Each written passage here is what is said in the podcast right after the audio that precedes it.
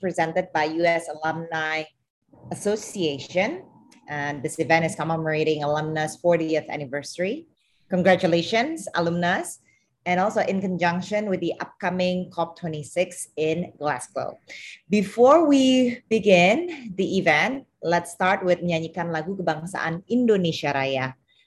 Hadirin, kami mohon untuk berdiri.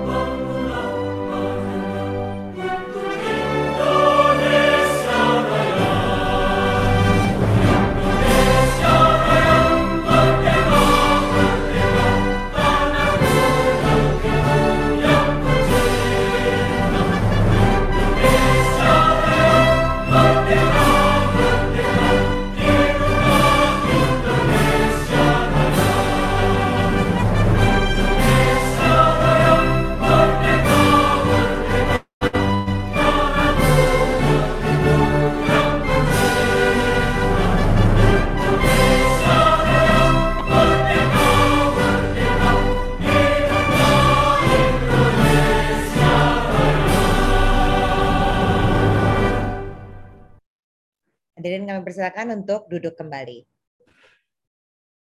Please welcome Jimmy Gani, President of U.S. Alumni Association, to deliver his opening remarks. Pak Jimmy, the screen is yours. Thank you, Chief Andini. Bismillahirrahmanirrahim. Assalamualaikum warahmatullahi wabarakatuh. Semangat pagi. Soekarno berkata, beri aku 10 pemuda maka akan kuguncang dunia. Hari ini adalah hari Sumpah Pemuda, so let me first congratulate everybody dan menyampaikan selamat Hari Sumpah Pemuda. Yang terhormat Bapak Suhasil Nazara, Wakil Menteri Keuangan Republik Indonesia. Yang saya hormati Bapak Duta Besar His Excellency Rosan Roslani, Duta Besar RI untuk Amerika Serikat, yang saya hormati Pak Cyril Nurhadi, yang saya hormati Pak Douglas Midland, Ibu Sandy Lin, Pak Jaya Wahono, Pak Ari Satria, dan tentunya terima kasih Mbak Andini Afendi yang hari ini meluangkan waktunya untuk bersama-sama kita dalam rangka webinar menuju ke atau road to COP26 Glasgow. Selamat pagi, salam sejahtera untuk kita semua. Pertama-tama marilah kita bersyukur atas kehadirat Allah Subhanahu wa taala karena berkatnya lah kita berada di tempat ini dalam rangka berkumpul untuk sama-sama merayakan Hari Sumpah Pemuda. Kemudian juga selain itu tentu seperti yang tadi Mbak Andini sampaikan, alumnas juga bertepatan ulang tahun ke-40 pada hari ini. Jadi congratulations to all of my uh, alumnation and uh, I'm I'm very grateful uh, to be welcome all of you. My name is Jimmy Gani, saya ketua umum alumnas. Uh, tentunya saya mengaturkan selamat datang kepada semua uh, dalam webinar hari ini uh, yang bertemakan uh, Road to COP 26 Glasgow. Pada tanggal 8 April 2021 kemarin, alumnas mendapatkan satu susunan daripada kepengurusan baru yang mana tanggal 8 April itu kita tandai dengan satu inaugurasi di Mekarta Cikarang dengan tema Advancing the Nation. And since then, it has been six months. So this October marks the sixth month of our kepengurusan. And uh, for that, allow me to thank all the pengurus for having been uh, so uh, active in ensuring that alumnus plays a role uh, in advancing the nation. Untuk itu, sebelum saya lanjutkan, perkenankan saya untuk uh, memberikan sedikit footage mengenai what we have uh, done in the last uh, six months. And actually, before the inauguration, we had some preparation. Uh, so let me play this video just to show you uh, a taste of what has transpired over the last uh, six months uh, with alumnus. And So we started uh, with roadshows uh, to Pak Menkumham, to Ambassador Sung Kim, to ensure that uh, the kepengurusan uh, will be uh, formed in such a way uh, that it, it, will make a strong alumnus for the next five years. So we went to different people, including the several ministers, several former ministers, and lastly, we got the okay to sign the uh, anggaran dasar uh, akte notaris. And then zoom we gercep gerakan cepat. We straight away made uh, quite a number of uh, events mostly virtual at that time because uh, it, didn't we didn't have uh, the luxury of having offline events seperti yang kita lihat di sini kita ada calling for uh, volunteers kita lakukan several webinars, uh, which quite a number of people uh, join. Uh, we also have some religious events in with Prof. Nazaruddin on Easter. We also were active in health issues, in education issues, in jobs issues, digital nation issues, and we also have uh, FGDs uh, throughout these uh, six months. And if you can see here, this is our inauguration ceremony.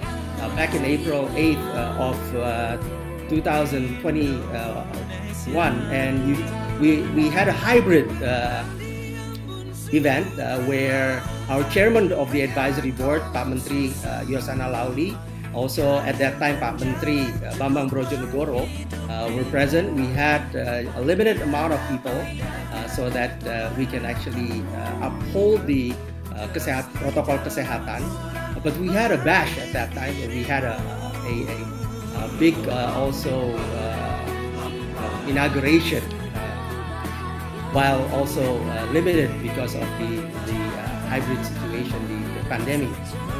But straight on after that, just a week later, we started to work, and then we had met the Minister of Dalam Negeri uh, General uh, Tito Karnavian and started to donate 1 million masks to all over Indonesia. This is in Lombok.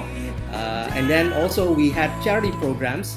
Uh, during Ramadan, for example, we went to uh, 8 to 10 uh, Panti Asuhan, Panti Reda, working together to deliver these donations from our esteemed members of the alumnus. And uh, you see here also, we'd like to have uh, healthy events. Uh, so we had sporting events, uh, which will hopefully uh, continue after this. And uh, nggak lupa juga kita have gathering, for example, during buka puasa. Of course, Uh, we couldn't have a, a big uh, gathering, so we have less than 100 people gathering in a place to celebrate the iftar during uh, Ramadan uh, this year. Now we are also venturing into businesses. So a number of alumnus members went to uh, Deputy Minister and also opened up a, a, a farm. Uh, this is uh, the farm that we have worked on uh, the last few weeks. And now it's starting to grow. And hopefully we will be harvesting this weekend spinach. So the, the pilot project is only one hectare, but it's going to be exciting because hopefully this uh, is a, uh, a, a, good start uh, for our theme of advancing the nation. So, ladies and gentlemen, that's that's just a taste of uh, what we have done in the last uh, six months. Uh, tentunya uh, alumnas uh, merasa perlu untuk terus melakukan kontribusi dalam rangka advancing the nation. Uh, we have done uh, several FGDs uh, thus far. Uh, yang pertama Future of Jobs, Digitalization and Education di bulan Mei uh, tanggal 27 and then pembangunan infrastruktur yang efisien, inklusif, hijau dan berkelanjutan pada tanggal 10 Juni. Dua hari yang lalu kita juga berbicara mengenai langkah aksi nyata Indonesia dalam menangani dampak perubahan iklim secara berkelanjutan. And we had uh, great uh, uh, panel panels uh, of uh, discussions uh, where uh, we hope to uh, come up with uh, white papers for those FGD and then put them together di dalam uh, buku uh, Bunga Rampai. And uh, today uh, we have uh, this webinar dan harapan kita adalah uh, this leads to uh, a, a good uh, number of white papers that we can bring to our upcoming exciting event, uh, Alumnus Summit, which will be held on 24th to 25th November. Uh, karena kondisi yang memang belum memungkinkan untuk uh, kita gather uh, semua anggota alumnus yang kalau kita kumpulkan sebetulnya potentially we have more than 100,000 uh, US alumni yang aktif beberapa tahun ini mungkin uh, kurang lebih 2000 dan uh, since six months ago we have actually uh, tried to put uh, them into uh, database yang kita harapkan uh, teman-teman alumni Amerika Serikat sendiri yang mengisi sehingga we have uh, over 600 people registered by name, by address, by email, by occupation, by hobby and so on so that we can work uh, with these uh, 600 uh, genuine members of alumnus uh, to advance the nation. Bapak-bapak, ibu-ibu hadirin sekalian, uh, sekali lagi saya mengucapkan terima kasih atas partisipasi bapak-bapak dan ibu-ibu uh, bukan aja pada hari ini tapi juga throughout the last six months when we have uh, the uh, activities. Then we will continue to have these activities whether it is offline and online uh, and hopefully uh, you know you all will will join us to uh, in our quest to advance the nation Demikian uh, sambutan dari kami. Wabillahi taufik wal hidayah. Wassalamualaikum warahmatullahi wabarakatuh. Semangat pagi. Warahmatullahi wabarakatuh. Terima kasih Pak Jimmy. Selanjutnya uh, remarks by recently inaugurated Indonesian ambassador to the US, His Excellency Bapak Rosan Roslani. Pak Rosan, silakan. The screen is yours. Thank you, Ibu Andini. Well, uh, very good morning to all of you. Uh, thank you, alumnus. Uh, thank you, Pak Jimmy Kani, for your kind invitation for me uh, to speak on these timely and important topics. Road to COP26, Glasgow, particularly on Indonesia and US cooperation on uh, climate change. Uh, let me greet, I see a lot of familiar faces here. Um, Pak Swazil, Vice Minister of Finance, ada Pak Cyril, and then Pak Jaya, and other uh, panelists and my fellow alumnations. Uh, currently, we are at risk. Changing climate is a beyond doubt uh, essential threat to humanity. Mainstream climate changes in the policy is not an option, it is a necessity. It can save us and lead to better and quality growth at the same time. Fortunately, taking climate, uh, tackling climate change is not only a major challenge, but also a significant economic opportunity. This is precisely why the challenge of climate change must be addressed together globally. And one of the most crit critical opportunity for the collaboration is the next COP26 in uh, Glasgow. In that context, I would like to convey three key messages on Indonesia's contribution to COP26. First, on Indonesia's achievement to combat climate change. Ladies and gentlemen, Indonesia now is certainly a better compared to 20 years ago. This include ecosystem and environmental protection and management. In 2020, we recorded the, low, the lowest deforestation rate for the past 20 years. We experienced 82% fewer forest fires in 2020 compared to 2019. Indonesia total forest fire area was less than half of the raging in Europe, Australia, or the United States. Indonesia forest conservation is 66 million hectares, which is larger than the total area of the United, of the United Kingdom and Norway combined. Indonesia is on the track in its deforestation efforts. We are also making progress in financial instrument to enable climate action. Indonesia has started climate budget tagging since 2016 at the national level.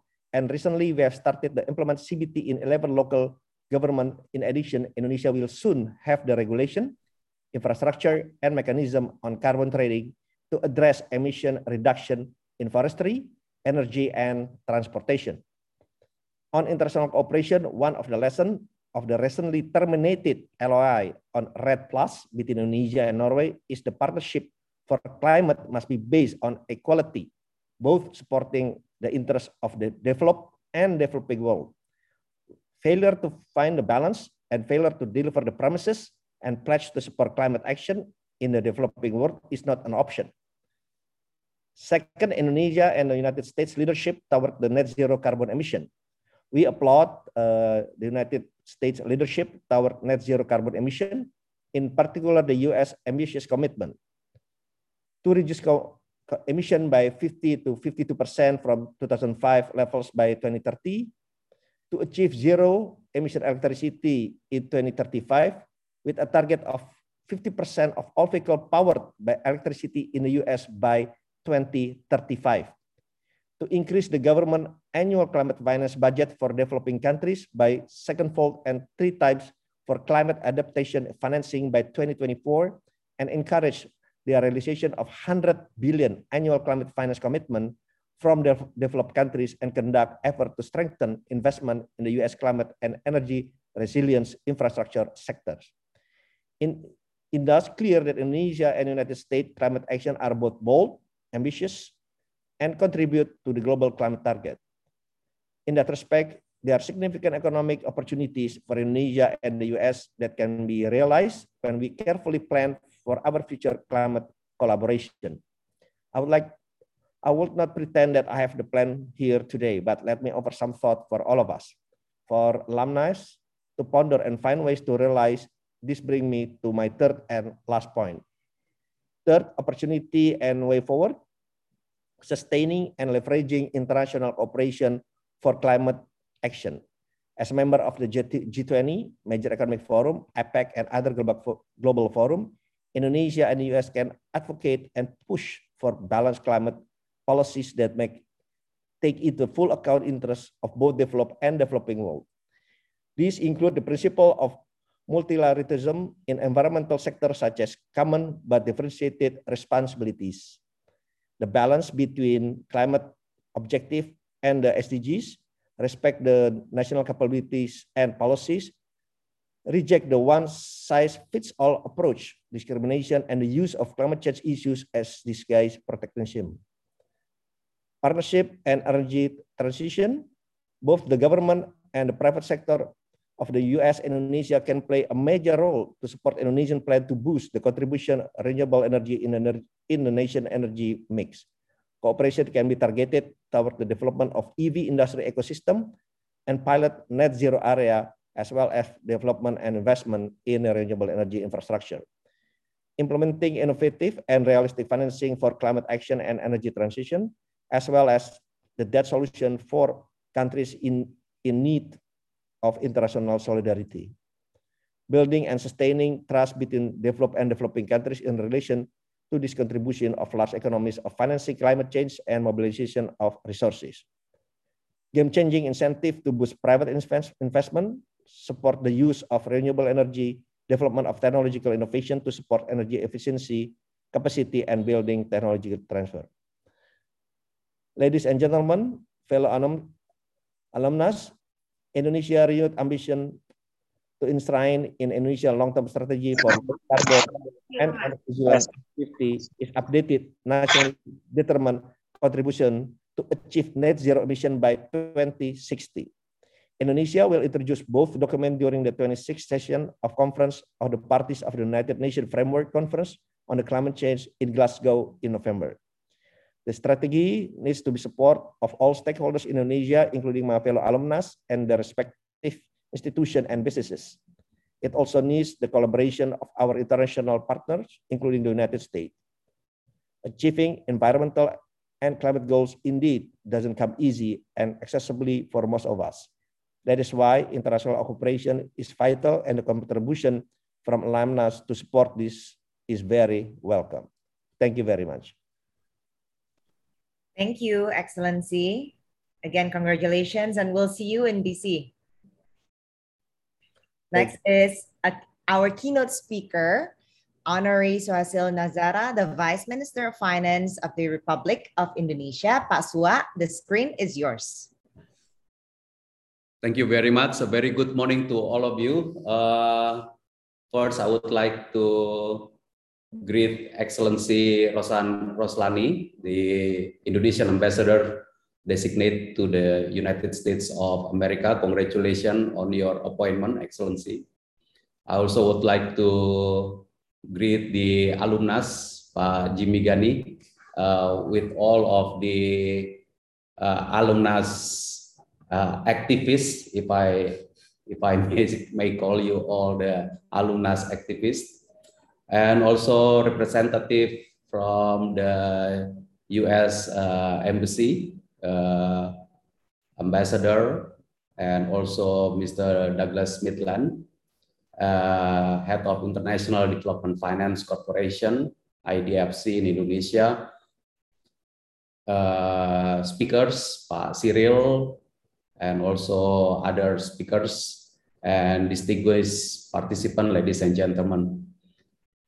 Uh, it is my honor to speak before you all in this very bright morning, uh, at least in Jakarta.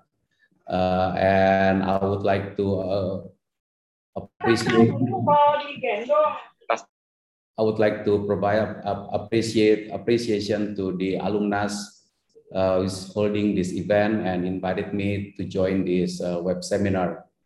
It is my pleasure to see you all this morning, and uh, I, I, I'm also impressed by Pa Jimmy Gani's uh, videos earlier showing the activities of alumnus. I think it's very, very hectic as well as very, very productive and spreading out a lot of positivities uh, to the uh, to the environment and also to the to the economy as a whole.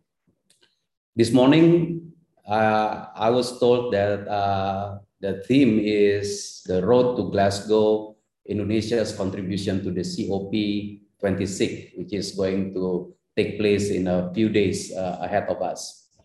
And uh, I know that uh, it is very this is very fascinating, and this is and and at the same but but however at the same time we are also trying to cope with the pandemic. It is these are two items uh, which probably is very historical.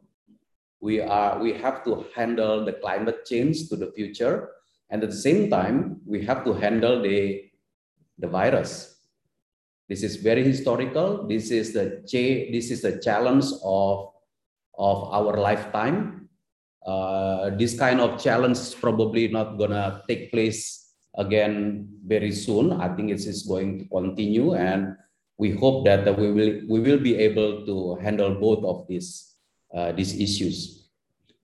Um, but I'm very glad to see about the COVID-19 pandemic in Indonesia, especially where the infections is uh, decreasing. And we really hope that uh, we will be able to maintain the low infection rate, uh, which is uh, low positive positive rates, uh, which we have already seen like a month or so. Of course, it is very important to maintain the health protocols. It is very very important to make sure that uh, we get all we all get the vaccinations in due time and we also continue at the same time continue our economic activities in order to continue the uh, improving the uh, prosperity and also the uh, the for the better for the better Indonesia. I, a lot of economic uh, data shows the recovery, and we really hope that we will be able to finish 2021 this year and entering 2022 next year with a lot of uh, optimism and at the same time maintaining all the health protocols, vaccinations, the readiness of our health sector in order to handle the COVID-19 pandemic, which I think going to continue. And I think at the some at some point it will become an endemic, which means we're going to live with the virus. The virus is still going to be with us. It is not going to go away, but we must be able to handle the virus in a smart in a smart way maintain the health protocols live a very healthy life and at the same time maintaining our uh, vaccination now in this in in that in the middle of that situation we are not uh, we do not forget our mid, mid medium term and long term issue which is the climate change. And this is very very encouraging. Despite the fact that uh, we are facing the short term, if I may call it the short term uh, issue of COVID-19, the pandemic, uh, which is not really short term, but let me call it like uh, if we can handle it in the uh, now, we still do not forget that we have a climate change challenge, climate change challenge in the medium for the medium and long term, and this is this is very this is encouraging and Indonesia is, I can tell you that Indonesia is very much in the middle of that because we are, we, we commit to the Paris Agreement. And the Paris Agreement says that uh, Indonesia will reduce our carbon emissions by 41% with the international supports and 29% with our own effort, with our own resources. And this is not only a matter of this is not only a matter of uh, talking. We we walk the talk, and I I would like to tell you what are the uh, how do we walk the talk uh, for that uh, Paris Agreement. We started with the uh, the logic of what can the government provide what kind of government support that we can provide to mitigate, to get to the Paris Agreement. Paris Agreement is basically about reducing carbon emissions. And first of all, of course, it is very important that the government provides the support. What kind of supports that are provided by the government? The government of Indonesia, and especially the Indonesian budget, have already provided a number of tax facilities for the green economy. We provide lower tax for the electricity car, electric car. We provide lower tax for the hybrid car and for the full battery car. We encourage the production of electric car in Indonesia. We understand that uh, in the beginning, it requires support in terms of the tax facilities, and we provide that. And I believe that uh, alumnus fellow who are working in a number of tax consultant or business consultant can address to, to that. Maybe later can also be discussed during the panel discussion. The government also spending a number of money, uh, some amount of money uh, through many different uh, ministries and institutions and government institutions. All of that are provided and recorded and reported in what is called the budget tagging report that was previously referred to by Ambassador Rosan Ruslani. Since 2016, the Badan Kebijakan Fiskal, Ministry of Finance, provides the annual report on budget tagging providing how much money that the government spend from the uh, APBN on green issues activity, on activities that are related to green issues. If you would like to look at that publication, please go to the Ministry of Finance or Badan Kebijakan Fiskal website. You can find it there, budget tagging report. Now, it is not only about spending. The government support is not only about the spending. The government also support the green economy by providing, by making sure that the government can promote the financing in a green format. Indonesia, I can tell you, is the first country. Indonesia is the first sovereign country that issued what is currently known in the international uh, investor as green sukuk bonds. It turns out that the sukuk, which is an Islamic bonds, can be combined very well with the green. Because both of them have the both of them have the the similar format. Uh, meaning that the sukuk is a bond a bond format that require underlying assets and green is also requires underlying assets. Of course for the green the underlying assets must be green in nature. And we provide that and Indonesia is the first country and right now is uh, recognized as a very active issuer in the international fora, international among the international investors, our green sukuk bonds. Indonesia has also just recently this year issued what is in the international fora is called SDG bonds, Sustainable Development Goals bonds. We issued the SDG bonds. And how these green sukuk and SDG bonds are different from the regular, the con conventional bonds.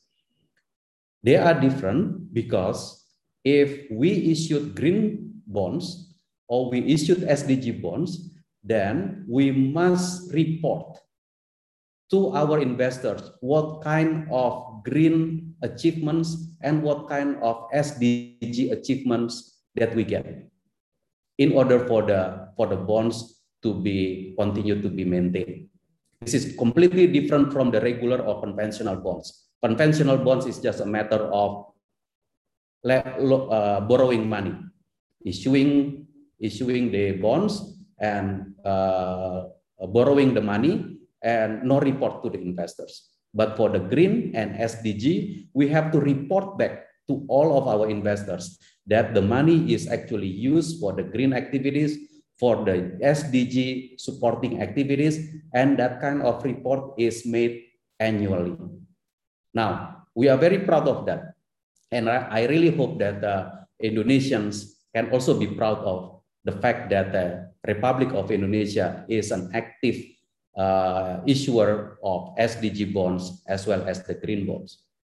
But I can tell you one thing, as much as we are proud that we are supporting the international agenda of going green and going on sustainable development goals, I can also tell you we have not seen that green or SDG bonds actually of lower cost to the government.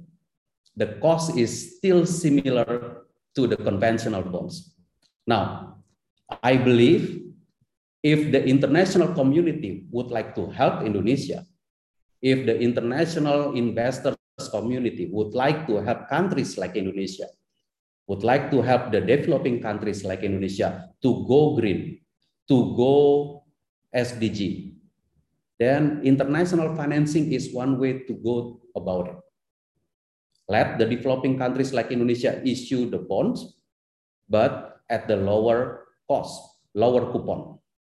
We have not seen it, but still the Republic of Indonesia, we believe in green and SDG. We continue to issue, but at the same time, we keep on telling the international community, we need your support. And your support can be uh, can take a form of lower coupon for countries uh, who are promoting green and, and SDG. So that is one thing. The government support is uh, will continue despite the fact that uh, we are handling the COVID-19. We are continuing with the government support, uh, as I mentioned earlier, the tax facilities, the government spending, uh, the government financing will all, will continue to be there in our in our budget. Now, on the international in the international fora, Indonesia is very active in the international fora in order to not only to show that Indonesia is very committed to green and SDG goals, but also to show that uh, we would like to engage the more developed countries in order to help countries like Indonesia in order to go green. That is why Indonesia currently is uh, we are we we are the chair uh, we are co-chairing the ministers of finance for climate action. So right now in the international fora, climate action has a group, a coalition of ministers of finance. A number of ministers of finance from a, a number of countries is part of this coalition. And the coalition continue to discuss how can the finance ministers from each country can help pushing through the climate action in the world. So climate action is not only about the ministers of environment, uh, uh, uh, Ibu Siti Nurbaya, who is very, very active in the international fora.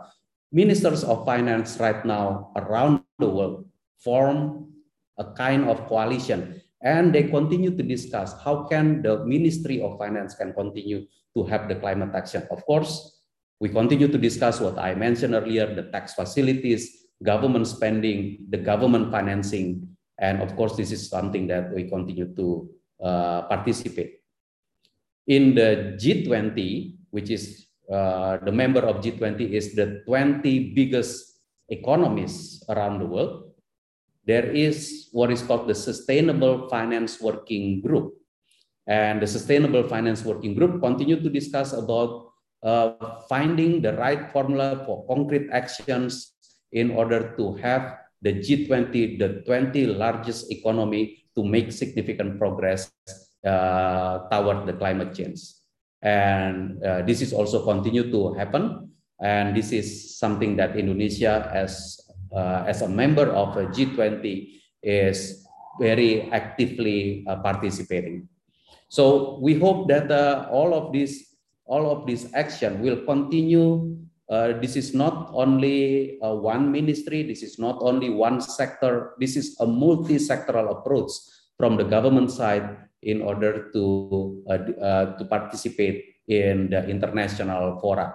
And we really hope that uh, the next uh, G20 summit, which is going to take place in Rome in a few days, uh, will discuss about the sustainable financing, international sustainable financing, and at the same time, the Glasgow, the COP26, which is a few days after that, will also be a, a, a venue where the climate change is discussed at the international level. Now, I think you may you may think that uh, uh, it is very far from us and very abstract. Now let me let me now give you give to the let me go to the next part, which is my last part about what is really in action. What is really in action? What is really something that we would like to see in Indonesia? When, ladies and gentlemen, and fellow alumnus, when you are asking about what is next for Indonesia, what is really something that we can see in Indonesia? I should tell you that uh, if we would like, uh, if we are talking about what's next, it is very important to understand that Indonesia is not starting from point zero. We are not starting from a clean sheet of paper. The fact is that if we are looking at uh, uh, emission reduction, 29% by our uh, own uh, effort, and 41% with the international contribution. It is very important to, to further uh, distribute the emission reduction into sectors. Which sectors that actually contribute to the emission reduction? I can tell you that a number of research have already showed us more than one third, maybe around 35, 38% of the emissions, of the carbon emissions, should be reduced from the energy sector. And what is that? And that is our electricity. Electricity, a lot of our electricity are now generated by coal or by diesel fuel. We are still relying on fossil fuel for our uh, electricity. And that is uh, one single sector that is uh, uh that is very very that is very very high uh, that we have to focus in order to reduce our carbon emission. How to do that? It is important to to understand that the coal generating power uh, plant have already a number of contracts with the government of Indonesia typically represented by our PLN. It is very important then to strike the right balance. How to shut down the coal plant, but not jeopardizing our business climate. How to strike the right balance, the balance. And for that effort, of course, we know that uh, somebody has to pay the cost. There is some cost associated if the coal plant is shut down and the contract is actually still effective, it is a matter of business uh, calculation. How much compensation? How much? How much compensation that we have to provide? It is not only about building new renewables plant. It is also about handling and taking care our business climate because we have past contracts. So that is why right now we are talking about what we call the Energy Transition Mechanism Scheme, ETM scheme. ETM scheme is a scheme where the, the, the design basically is an early retirement of fossil fuel based uh, electricity plant, early retirement, which means they probably still have 20 years ahead of contract, but can we retire uh, them early with certain number, certain amount of compensation? And at the same time, offering the economy to build the renewable plant in order to replace the coal plant that are early retired. This is uh, these are all business calculation. Ambassador Rosan, Roeslani earlier mentioned about this should be very, very, uh, very, very attractive for the business community. But we have to find the right, the right balance. How to make sure that uh, we can change our coal plant into the renewable. Now, Again, I would like to remind us all that we are not starting from point zero. Right now, because of the COVID-19, the demand for electricity is going down south, is reduced. We are in the situation where the energy is an oversupply. It is very important to conduct the calculation smartly in order to make sure that uh, the electricity can contribute to the carbon emission and at the same time we can trans uh, we can uh, uh, go with the transition uh, toward a more renewable energy and for that effect the other government support that has just been approved by our parliament is the topic of carbon tax and the carbon tax already been approved by our parliament. And this is very, very historical for Indonesia. Not all countries in the world are able to put in place what is called the carbon tax. But we are very grateful that our parliament agrees to that. And that shows how our uh, long-term vision has already been put in place in the very important milestone of approval of the, the carbon tax. Let me, let me Uh, uh, make a stress here. Carbon tax is not a tax on emission. our carbon tax is designed on the format of what is known in the international literature and international practice as a cap and trade and tax. If we have a target about a re reduction of carbon emission, then that uh, target should be translated into sectoral target, uh, which means that certain sectors should only emit certain degree of emission, and that is the cap, the standard, the cap. If anyone, any uh, firm issuing carbon above the cap, that means the firm must compensate. They can compensate from buying the carbon credit from other company who is reducing, who is emitting less than cap, or they can pay the tax to the government. So carbon tax is designed in that structure, uh, which is called the cap and trade and tax. Uh, all, some of you may be interested in finding out uh, further about this mechanism. And I think uh, the Ministry of Finance, we are very happy to provide you with the uh, discussion about the, the system and how that can be put in place. A lot is going on, and I think a lot are going to come up in our road or in our uh, uh, uh, in our journey about the climate change. Road to Glasgow is not going to stop only in Glasgow. The road to Glasgow is only one step. And I really hope that in Glasgow, the international community can really put in place, can put a pledge that is really helping the, the developing countries like Indonesia there is no way that uh, Indonesia will handle the climate change issue, reduction of our coal plant by ourselves. It is very expensive. It is very expensive. I think some of you probably already know, already heard or read in the newspapers that uh, in order for Indonesia to handle the coal plant, we require no less than 30 3.500 triliun Indonesian rupiah. Let me repeat this in bahasa Indonesia. 3.500 triliun rupiah. It is not a small amount of money. We need all efforts. We need all we need all uh, forces that can help us. Of course, budget will be part of that cost. Budget will will be part of that. Budget means taxpayers' money.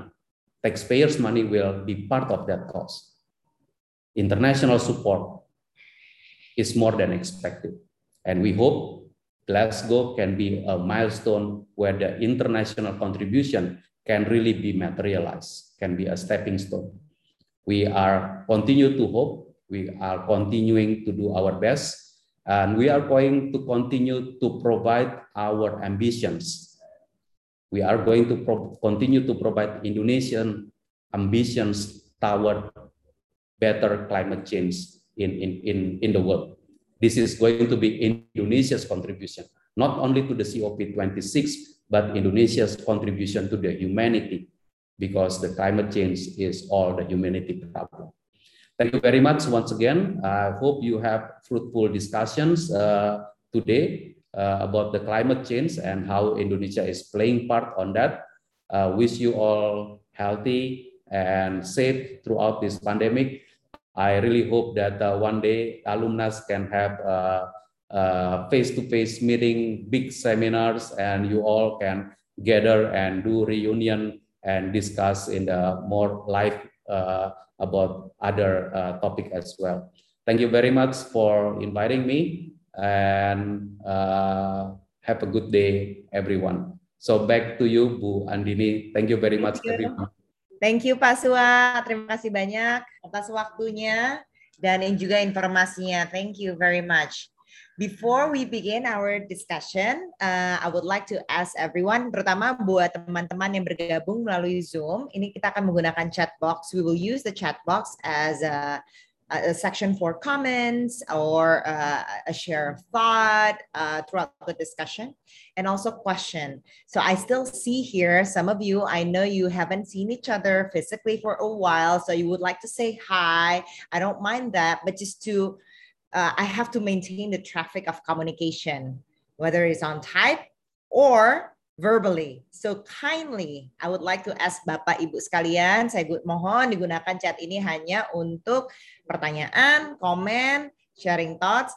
Uh, jangan untuk menyapa dulu paling enggak untuk satu setengah jam ke depan. Mohon sekali. Ya, terima kasih banyak atas uh, teman uh, ke ininya kerjasamanya dan pengertiannya. Dan ini sebenarnya acaranya juga disiarkan di YouTube. Tapi tadi saya cek nih, Pak Jimmy mungkin boleh dicek ke timnya, tidak ada acaranya di YouTube-nya. Ya.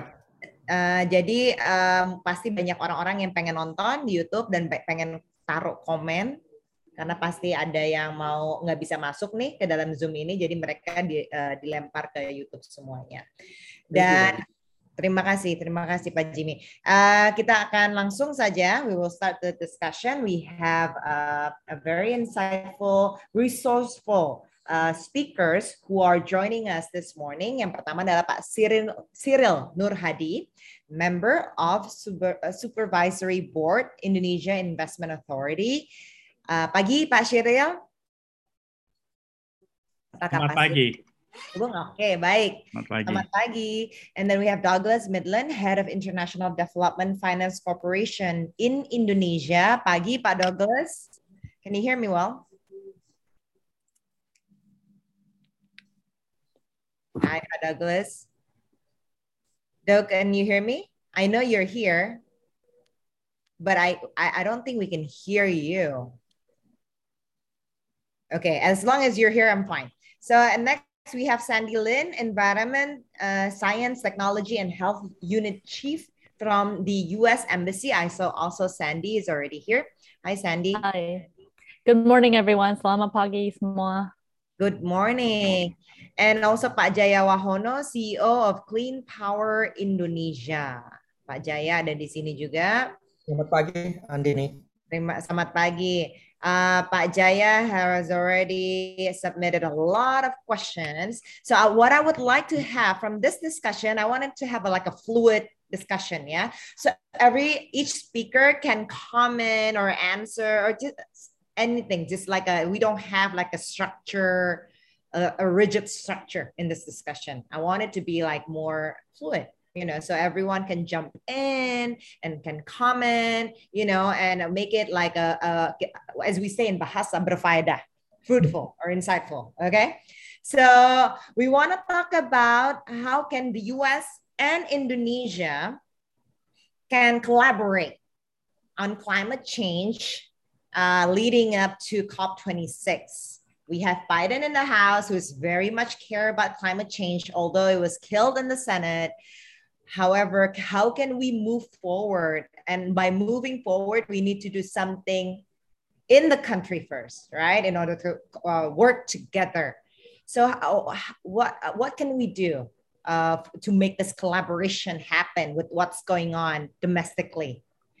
Uh, I'll share the question to, I guess, Sandy. Sandy, you can jump in first and then Pasiril and then Doug. Well, I actually, oh, yeah. uh, thank you, uh, Andinia. But actually, I guess before I start, I wanted to ask if there are ground rules for this forum panel, i.e., would there be Chatham House rules apply for the discussions so that people can feel more freely to speak, or is everything for attribution? I guess since it's live stream, now that I'm asking, I guess um, uh, is, is so this is a totally open forum. Correct. This is an okay. open forum. Correct. Yeah. So that that is my question. I guess uh, I, I, I, uh, from Doug or Sandy, you can start from from the U.S. side, and then Pak Cyril, you, you can share the perspective from Indonesia. Sure. Yeah. Doug, you want to start? Sure, happy to. And and can you hear me? Yeah. Okay, perfect. Perfect. Well, Salam Apagi, sorry, sorry for the uh, the technical difficulties at the start. Um, may I start by just saying thank you to to uh, to Pak Jimmy uh, and giving me this opportunity to to join um, you know such a distinguished uh, panel discussion and uh, and utilize this stage to to speak on DFC uh, as well as um, some of you know our approach and and uh, the, um, you know our insights right. Ah, we lost you again, Doug. We lost you again. You just unmute uh, unmuted yourself.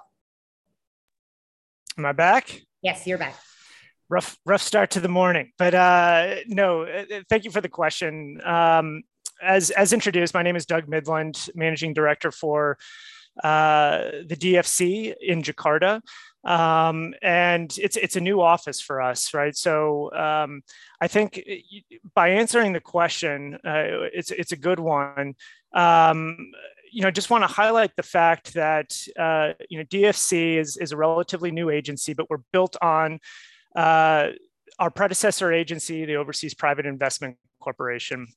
Uh, and with strong bipartisan support uh, in the United States uh, Senate and, and, and House, uh, the DFC was created and, and our capacity to invest was, uh, was over doubled, right? So we were moved from basically an investment cap of 30 billion to 60 billion, and this is for a global portfolio. Um, and in addition to that, we were given new tools such as equity authority, additional flexibilities, uh, inc including removing our requirement for US uh, private sector involvement in a, in a, transaction. And all of that was really uh, with an intent to expand our capabilities to support uh, developmental projects uh, in emerging market countries. Uh, and you know, the other, the other thing that I wanna highlight is it's very unusual for the DFC uh, to have offices in um, abroad. Uh, prior to really just the past year, uh, we really only had three offices and, and each of those are really ad hoc. It was not it was not an organized deployment of investment officers to, to various markets uh, to, to really build our pipeline and ultimately our exposure. Uh, and so i want to highlight that just because as, as of as of today we have five representative offices globally. Still a small number uh, but an impressive aspect of that is four of those are uh, in this region. Uh, and you know I'll, I'll, I'll end by saying, um, uh, well, one, I'm honored to be uh, the person representing DFC in Indonesia. Uh, but uh, on top of that, it's the one office that has a single country focus.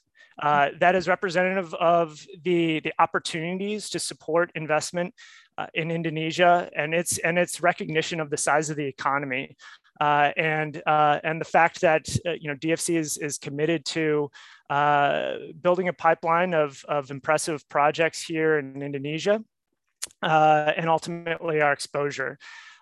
Um, maybe before I pass the mic over, some of my, my on, on the panel today, um, just want to provide a you know a, a quick snapshot of, of, of our approach. And for those of you that that don't know know who D is, where, where the US government's development bank. So uh, support, support projects that um, are commercially viable and adhere to international standards on environmental, social impact, and worker rights.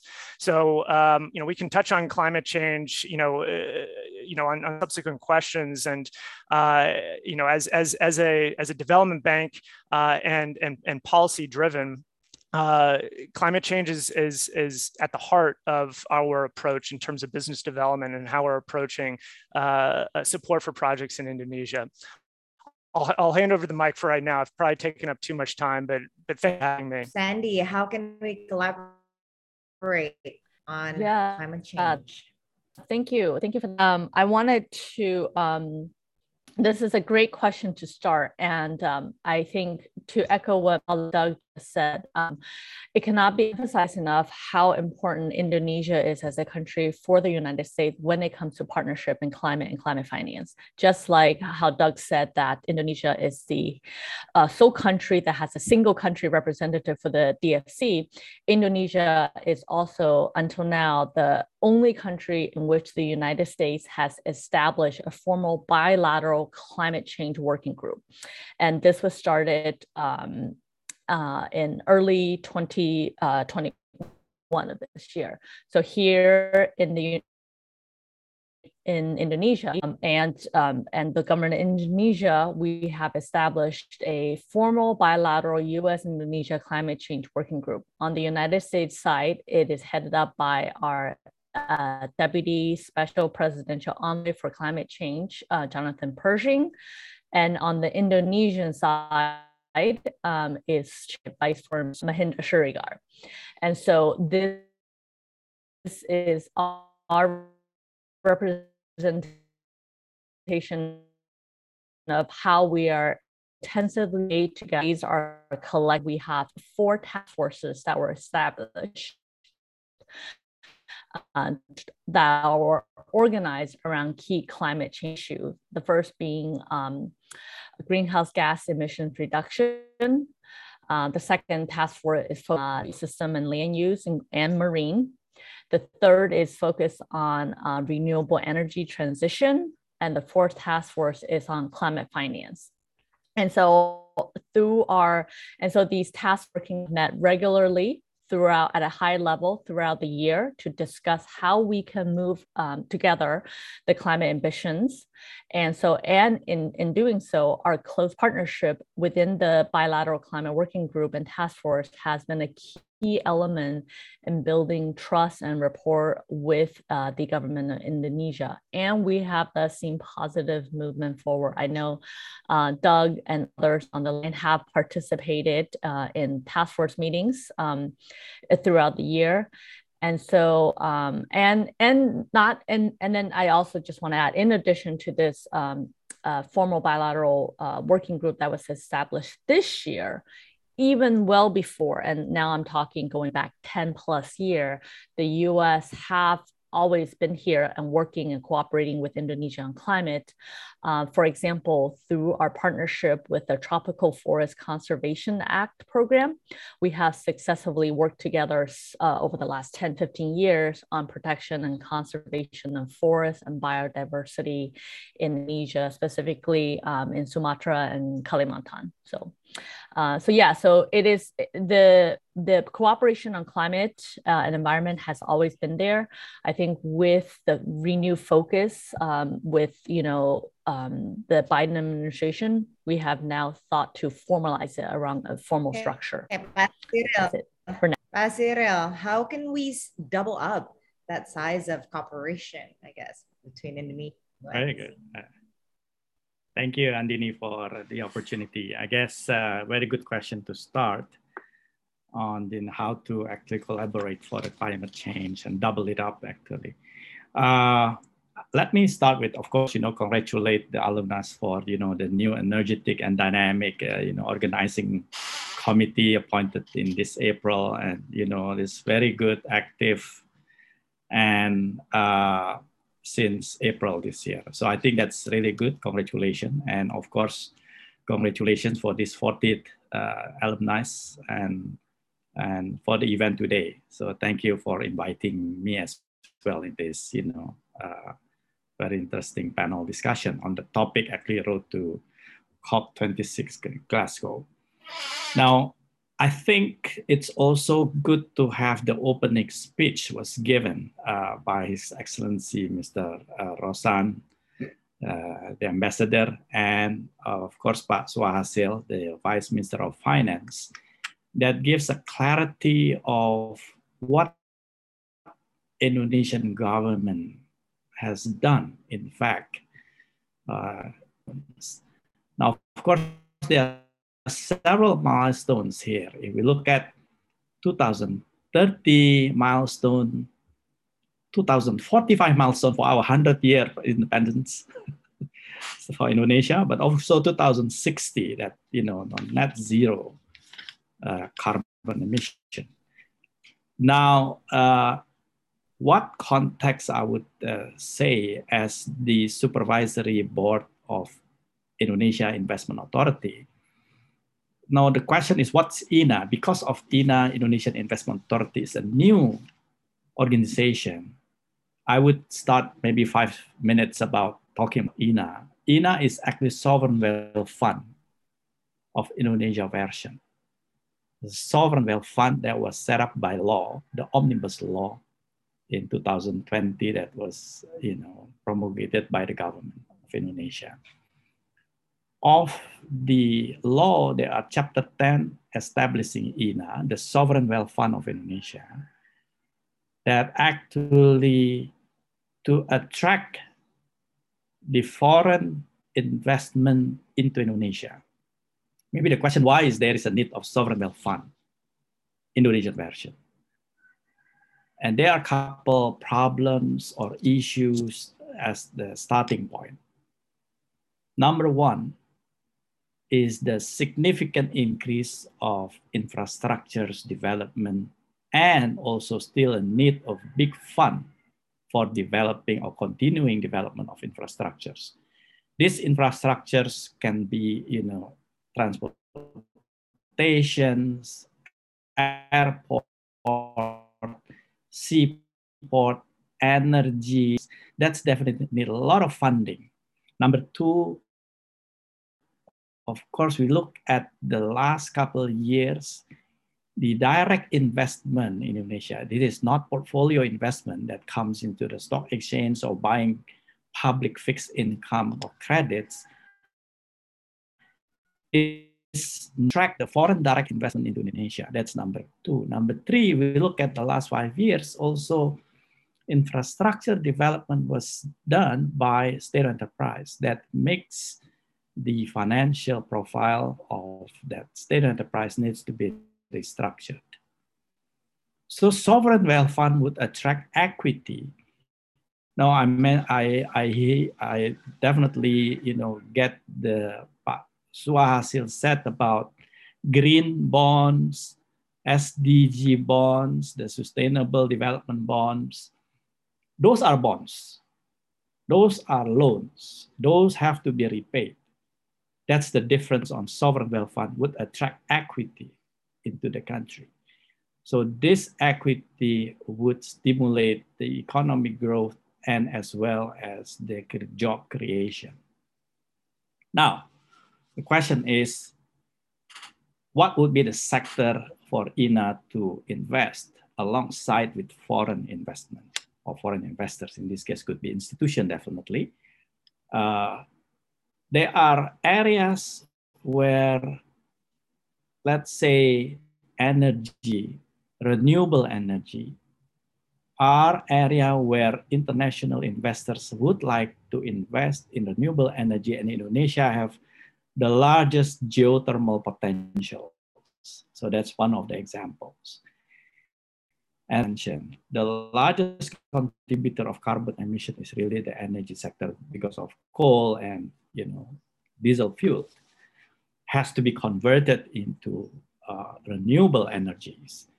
And those are the ones that could be attractive for foreign investment. So to answer, you know, or to start with the how to collaborate, US and Indonesia develop in the direction of the net zero emission, the sector that were relevant most uh, for investment in direct investment for INA, for example, we welcome so much foreign direct investment into the renewable energy sectors, or could also be uh, waste to power energy. Imagine, you know, we live in Jakarta. I mean, at, at least I live in Jakarta. I mean, most people uh, are in this zoo, are in Jakarta. Jakarta every day contribute or produce almost 8,000 ton waste how do we manage or mitigate that you know, in terms of solving the problem of waste? And there are one or two today that was developing waste to power energy. And that is really a good process to contribute or collaborate in the context of reducing carbon emission. So uh, I could explain more on Indonesia's sovereign wealth fund version and the difference with any other over 100 sovereign wealth funds in the world. And in fact, uh, with Douglas, uh, good, I mean, uh, of course, you know, Douglas and Pak Jaya and other panelists in this forum, uh, I think uh, Douglas and, and, and uh, the US and Indonesian government have signed also some you know, initial understanding between the two countries with respect to the Indonesia Sovereign Wealth Fund. I think that's as a starting, uh, Andini. Thank okay, you for Pak Jaya. Pak Jaya, you are an advocate for renewable energy. You're in that industry, so you know better. How can we level up this collaboration between the U.S. and Indonesia? Yeah, I'd love to uh, answer that. Uh, thank you, Andini. Uh, thank you, uh, Chief Jimmy, uh, for giving us the opportunity uh, today. Um, I congratulate alumnus, fellow alumnation under Chief J Jimmy leadership that we are now not only or well we are now organizing webinar, but what we are aiming actually is to be a mover and shaker of this country towards uh, uh, net zero carbon 2060, which is uh, that's our target. So where um, I'm coming from private sector, so I'm not um, um, a government officials. I never worked for the government, um, so you can say that I'm a non-state actor.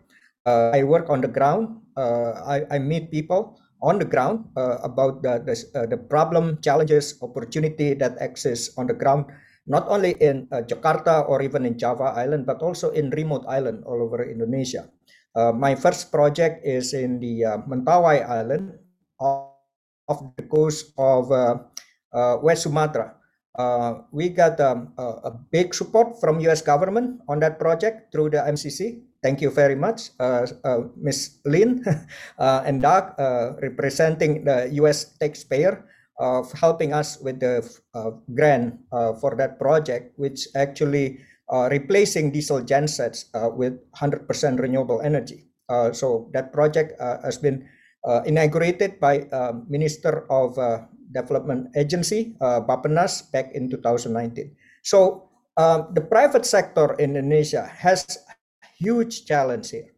Uh, not only about the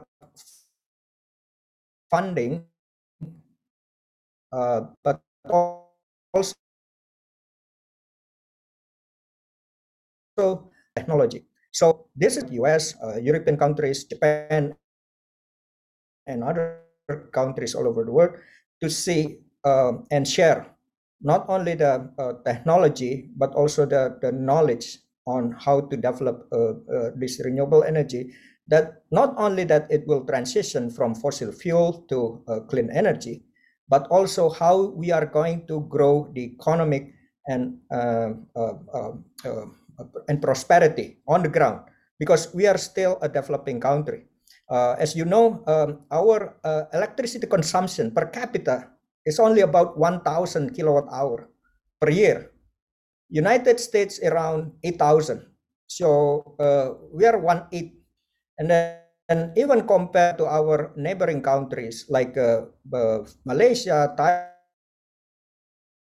Thailand, uh, uh, we don't even compare to Vietnam. We're still lag behind. Uh, Vietnam is about 2,000 kilowatt hour per capita per year. So what does it mean? It means that we're still having um, a, a lot to catch up so it's not only about um, energy transition that is important for us, but how we are growing our economy, not only in Java, but also in all the other islands. We are the biggest archipelago in the world. Uh, we cannot just uh, copy and paste the. We have to build our own model and help convince uh, other countries uh, to uh, uh, to bring in the funding to bring in the technology, to bring in the knowledge, uh, so we can combine uh, together all our effort and and uh, and build our own model and and grow from that.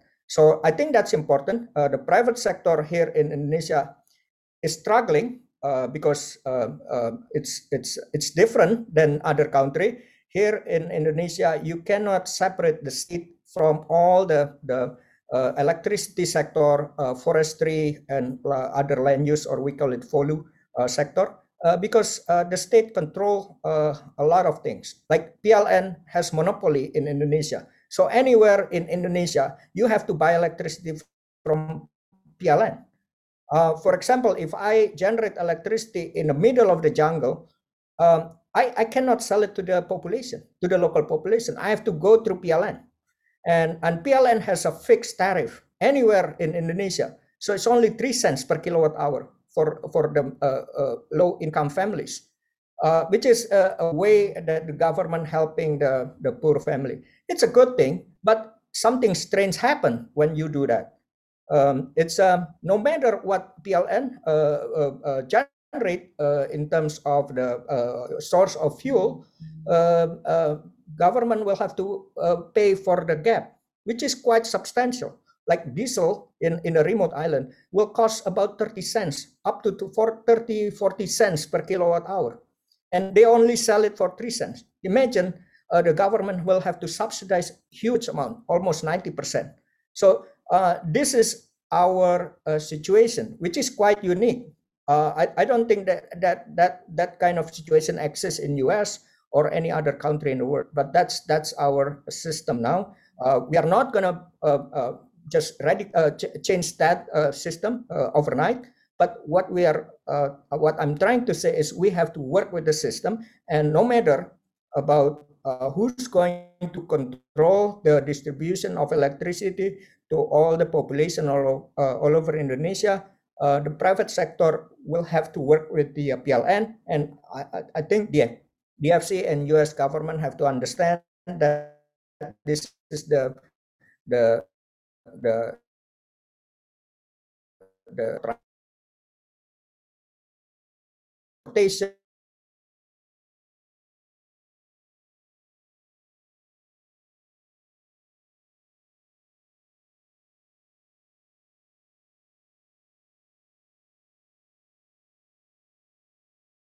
buildings and everything it's not it's not enough just private sector uh, getting the the the uh, to take up that challenge. And and and uh, PLN just announced uh, recently that they would like to uh, replace 2,000 megawatt of diesel gensets all over Indonesia with um, uh, local renewable energy sources. That's require about six billion, six billion, um, five to six billion dollar of new investment. Um, of course, it, it cannot come from Indonesia. I mean, the private sector in Indonesia, without the support of international finance uh, community, uh, won't make it happen. Uh, that's but the 2,000 megawatt of diesel genset replacement is only small part. The, I, I, if we are going to catch up with other country to, uh, yeah. to achieve uh, 4,000 kilowatt hour per capita, we might need 10,000 megawatt of diesel genset replacement. Mm-hmm. Okay, I'll pass on to you, Doug and Sandy.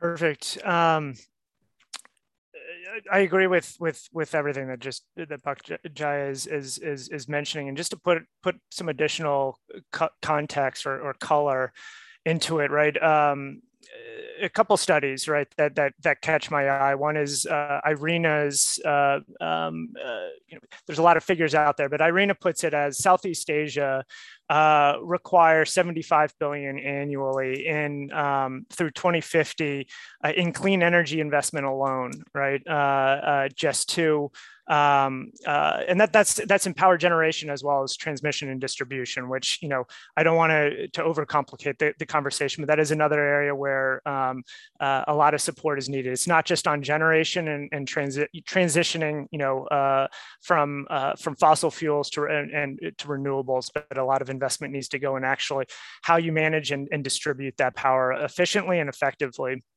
um, you know, the the other the other kind of key data point that uh, you know helps helps guide our strategy, you know, the Climate Policy Initiative recently put out a, a helpful paper just on the global landscape of climate finance. Uh, and there are both positive and, and negative trends in there, right? One is uh, a significant amount of money. I think it reached uh, over 600 billion uh, alone in 2020 uh, when uh, of, of, investment. That's both public and private uh, going towards climate finance, and that's significant growth. but actually, growth has actually slowed in the past year. Where we're seeing some positives in terms of breaking that number apart is, um, is is is when you kind of break that down between mitigation and adaptation, and this is key to DFC's strategy globally and, and in, um, in particular in Indonesia. Uh, DFC has supported mitigating uh, climate uh, investments for, for quite a while. And what do I mean by that? Uh, projects roughly that, that help reduce emissions. So uh, uh, renewable power is a perfect example of that. Uh, but we are seeing, um, you know, some uh, maturity in that market and a greater participation of the private sector uh, in investing in renewable energy. Um, so while the DFC will continue to support renewable energy and projects uh, such as, as, those being spearheaded by Pak Jaya and others, uh, um, we're also very focused on adaptation. So uh, how are we, you know, um, providing financing and helping catalyze pr- private sector participation in projects uh, that uh, make Indonesia more resilient to the anticipated effects of climate change. Uh, so that is, what does that mean? It's an example would be, uh, you know, weather forecasting technology. Uh, it includes, uh, in terms of food security, you know, right varieties of rice, right, that uh, are more drought uh, resistant, um, and uh, it means, you know, support for for mangrove and reforestation. So there's there's uh, you know kind of a wide variety of of opportunities for us to to to collaborate and support investment in Indonesia. Mm-hmm. Um, you know, the question was specifically on how to collaborate, right, and uh, I, I, want to touch on that a little bit because DFC does collaborate in a number of different ways. And I think it's important just in terms of understanding DFC, uh, how do we collaborate? Well, um, how, do, how do we differentiate between different, different forms of, of collaboration? Uh, on the actual project development side, right, we, we, we collaborate with the implementing party, uh, the developer, the investor. Uh, and that's, um, uh, that is where our mandate is limited to supporting private sector. So uh, we want to see basically the participants who are uh, effectively taking on substantial risk in many cases, putting equity uh, um, at, at, risk to design and develop a project. And DFC can step in and help scale that and, and, and implement the project. We also collaborate with the entities that are, are actually catalyzing that investment, and whether that be through uh, for international investors, political risk insurance to help uh, overcome a specific risk with entering a, a new market, uh, for instance. But it's also providing uh, long-term uh, long-term financing that that takes into consideration the um, uh, the seasonality uh, of, of and variability of renewable energy uh, and the time needed to not only construct but stabilize operations uh, for a uh, overall sustainable project that can stand on its own. Um, so, you know, with that, you know, I just want to highlight we have this concept of additionality. And what that means is we are not meant to displace private capital that is otherwise willing and able to invest in these projects. We're meant to catalyze it. Uh, uh, we are meant to go where the private sector is less willing uh, or unable to go alone. Uh, and, uh, you know, Pak Jaya mentioning renewable energy and the displacement of diesel, I think is low hanging fruit that we absolutely need to, to focus on in Indonesia. Uh, and I think it, it ticks off a number of boxes, right? Uh, and uh, in terms of stakeholders, right? So PLN has, has, has currently raised, um, you know, key issues for them is their own financial sustainability. Uh, and how do we reduce costs? For for power generation, not only for for consumers but for but for the utility itself. Right, uh, diesel is is not only incredibly inefficient, uh, but it's incredibly expensive. So uh, finding renewable solutions that that can help reduce costs, reduce emissions, improve grid stability are all uh, significant priorities for us. And and um, you know we're we're looking to partner with uh, the, the, the private stakeholders that are le leading the charge in helping develop develop those projects. Um, I'll leave it there for right now. Right. And also, uh, this is related to our discussion. One uh, question is about how about electric cars? Will it be something that DFC consider? Uh, you know, it, it, absolutely falls into the the um, you know sector of of climate focused transactions and, and we would love to get involved. That's there's a lot of there's a lot of answers to that right? Because there's a whole supply chain right that that really needs to be developed in order to supply the ev market and and we're focused really kind of throughout uh, both the upstream and downstream components uh, that that ultimately deliver evs so yes. There you go. Sandy. Yes, uh, thank you. Um, and I, I, you know, I agree with my colleagues Doug and and and Jaya and, and Cyril and everyone that has spoken. I think, um, you know, as a um, as a uh, diplomat and my focus being on policy issues, um, I am less, you know, well versed in the issues of, um, you know, finance and whatnot. But I can say, you know, on the policy side, it is true that um, without a doubt, on the you know, there are real challenges to uh, the transition to greater climate ambition, and that, uh, and it is something that we need to act collectively. Um, and I will just sort of talk about the elephant in the room right now when it comes to climate finance, which is that, you know, in um, in, in 2009, the developed countries, the America being one of them, um, promised to mobilize $100 billion a year um, to uh, uh, for five years, starting from 2020, to help developing nations with their climate ambition, whether it is transition to renewable energies or not. And um, to date, and as the OECD report uh, published recently uh, indicated, we are behind on that target. However, I won't note that, you know, even even had hypothetically speaking, even if all the developed countries had kept to their promise, the amount of money that's promised is nowhere near will never be near the amount of scope that is needed to fully implement the the um, the, the, the the programs or the projects under consideration. I mean, uh, just in Indonesia alone, we are talking about in scopes of like trillions of dollars, and not to mention there are other countries in the world that all are in similar situations, right? So there is no way that uh, uh you know just depending on um, public sector multilateral uh, funds, it will be enough to um, to meet the needs of whether it's in transition in Indonesia or other countries. So, um, I mean that. Uh, so you know the good news on that though is that we are seeing you know large and growing volume of capital from um, you know sovereign wealth fund or pension funds that are interested in investing. And so then that comes back then to what i was saying that it becomes an issue of policies right? Private capital is going to go after where they can um, you know make the money and get the best return for their investment. And so what that means is that uh, countries um, will need to have the best policies in place to attract the private capital, right? Countries all over the world that are in uh, the situation will be um, that have the best policy, whether, and it's not just policy related to environment. We're now talking about sort of whole of government, whether it is, um, you know, a rule of law, uh, uh, uh, corporate tax rates, whether we're talking about bankruptcy laws or investment policy, corruptions, those are the things that private investors look to um, when they're deciding where they're going to put the money. And so countries that have those in place um, are in the best suited positions.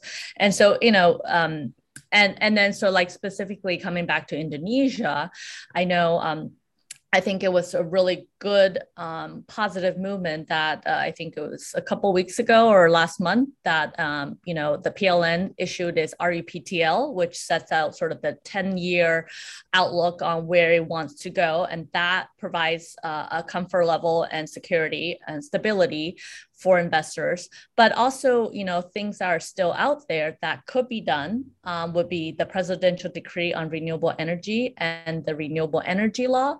And so getting those published will help provide further clarity uh, for investors on what type of renewable projects that would be most profitable for them so those are the kind of issue that from a policy perspective that we engage on and push for Over. okay so help us to understand better sandy uh, since as an outsider of the uh, US politics, you mentioned policies. And also, uh, uh, what I'm very curious about with what's going on domestically in the US, uh, can it also be translated that you will have a different approach when it comes to like partnerships, collaborations, when it comes to fighting uh, uh, climate change with other countries? Because domestically, it's sort of like it's it's dead right? So how how how will be the approach be uh, internationally? Right. I mean, I I think um, I think for me that um, there is no going back right? And we can see that in short order, we have gone from talking, whether it's US uh, domestically and internationally, from this issue being a climate issue or, uh, you know, to a climate challenge to a climate crisis. And I think um, are at least you know currently with president biden um, being in office from day one uh, president biden has taken sort of decisive domestic climate action. And uh, he has implemented several um, policies um, and goals for the united states um, whether it is you know at the um, national security level right um, this is now an issue of national security for the United States, and this will have trickle down impact on how each administry, each ministry or agency within the U.S. Um, look at the work that they are tasked to do and, and, and the climate component involved in it. So, for example, whether it's the DoD, um, the Department of Treasury, um, the um, uh, uh, USTR, Commerce, or even uh, Department of Justice, all every each and every single agency in the United States is now focused on how climate will impact our domestic agency actions. Um, just even looking at um, you know the COP26, which is sort of uh, the impetus for this event today. Uh, we have over 12 um, cabinet secretaries that will be going along with President Biden to COP to Glasgow to have these um, discussion with relevant counterparts. And I think this shows that, you know, for the United States domestically, this is a issue that is not just something that we're looking at for, you know, as part of our international engagement. It is something that we are tackling both at home and, you know, abroad. Over. All right, uh, Pak Cyril, Pasirel, how can we? Okay, we're talking about as uh, our sovereign wealth fund, INA. Uh, is it possible if INA can also look into uh, investment in renewable energy sector? We have Pak Jaya here, so uh, or or any other industries that can drive the climate actions in Indonesia? Thank you. Very good questions, uh, Andini. So, so as again, INA as a sovereign wealth fund is an investor. Excuse me. Is an investor, and it's equipped with five billion dollar equivalent, of course, seventy-five trillion rupiah from the government budget. So, sovereign wealth fund has money, but that's not uh, enough for all that just mentioned you know. So we need to co-invest alongside with international investors for developing Indonesia renewable energy or any other needs. So the idea, the model is that international investor, let's say, invest in Indonesia for developing renewable energy power plant. Let's take a hypothetical situation. And that has a purchasing power agreement for 25 years or 30 years. The question is asked by the international investors, who, whom am I partnering with for 30 years? Will my partner be still there? I mean, uh, so that's the question. And the existence, the presence of sovereign wealth fund Indonesia version would actually co-invest alongside with them to stay alongside with them for 30 years. So that's the idea. So there is a comfort level from international perspective for developing infrastructures. Toll road, for example, could be 40 years and 50 years. So, and the type of in fund is equity. It's not a loan. It's not bonds. It's not credits. It's equity. So the nature is different. So INA, Indonesia Sovereign Wealth Fund, is really investor. So there's a risk profile risk element to it alongside with the international investors and feel the pulse of investment performance. You're talking about investment is really always good plan. I've never seen bad plan. Always be a good plan. But performance mostly deviate from the plan. And you have to mitigate and recover quickly to make alongside, you know, Uh, meeting the target. So that's INA. Now, how INA is actually governed or structures in the law, it's very clear. There are two board system: The board supervisory where I'm in with the other three independent professionals, and the other two are chaired by actually by Minister of Finance. And the other one is Minister of State Enterprise.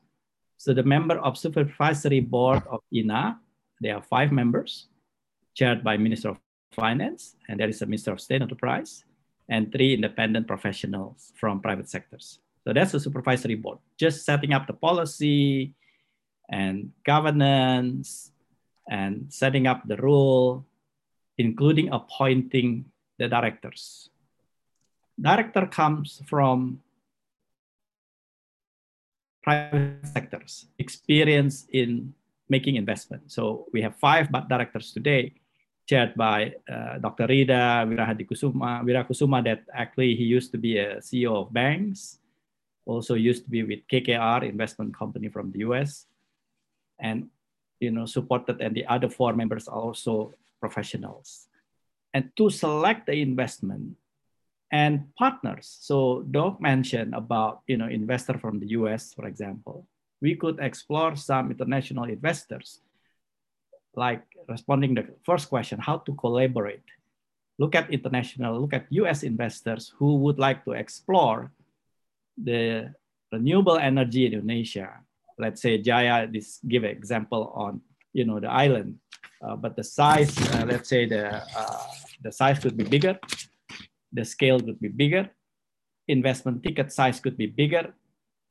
But of course, the challenge, as you said, uh, Pak Jaya, the tariff is, is standardized nationwide, except there are certain region like Batam or East Kalimantan, you know, there's certain area that can set their own tariff. But of course, the question whether the renewable cost structure with some tariff set would still be able to pay by PLN budget and you know the whole finance uh, and financial capability. So that's of course another gap uh, uh, has to be considered very well.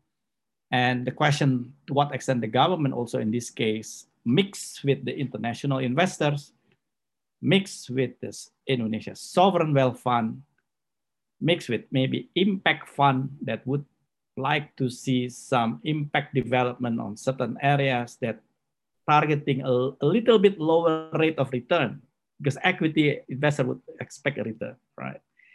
But a lower, lower, lower rate of return, uh, not a private equity one that targeting 25% rate of return per year.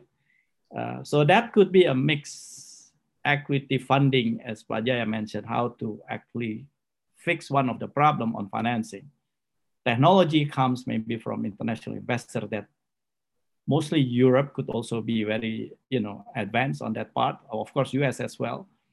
Uh, so I think that would increase the capability and the starting point to collaborate is really attract foreign investor, in this case, US, like, you know, of, of course, Doug and Sandy have access and good contact with the US investors and inform them there are, you know, huge opportunity and renewable actually the huge investment is really geothermal.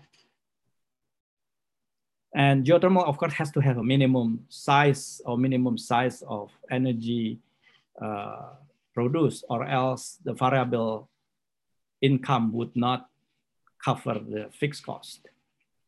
Uh, but solar panel uh, could be flexible uh, and also any other renewable energy. so I think that would be the starting exporting points, uh, as of course as well waste to energy right. could be the uh, options. So I think that's the INA position.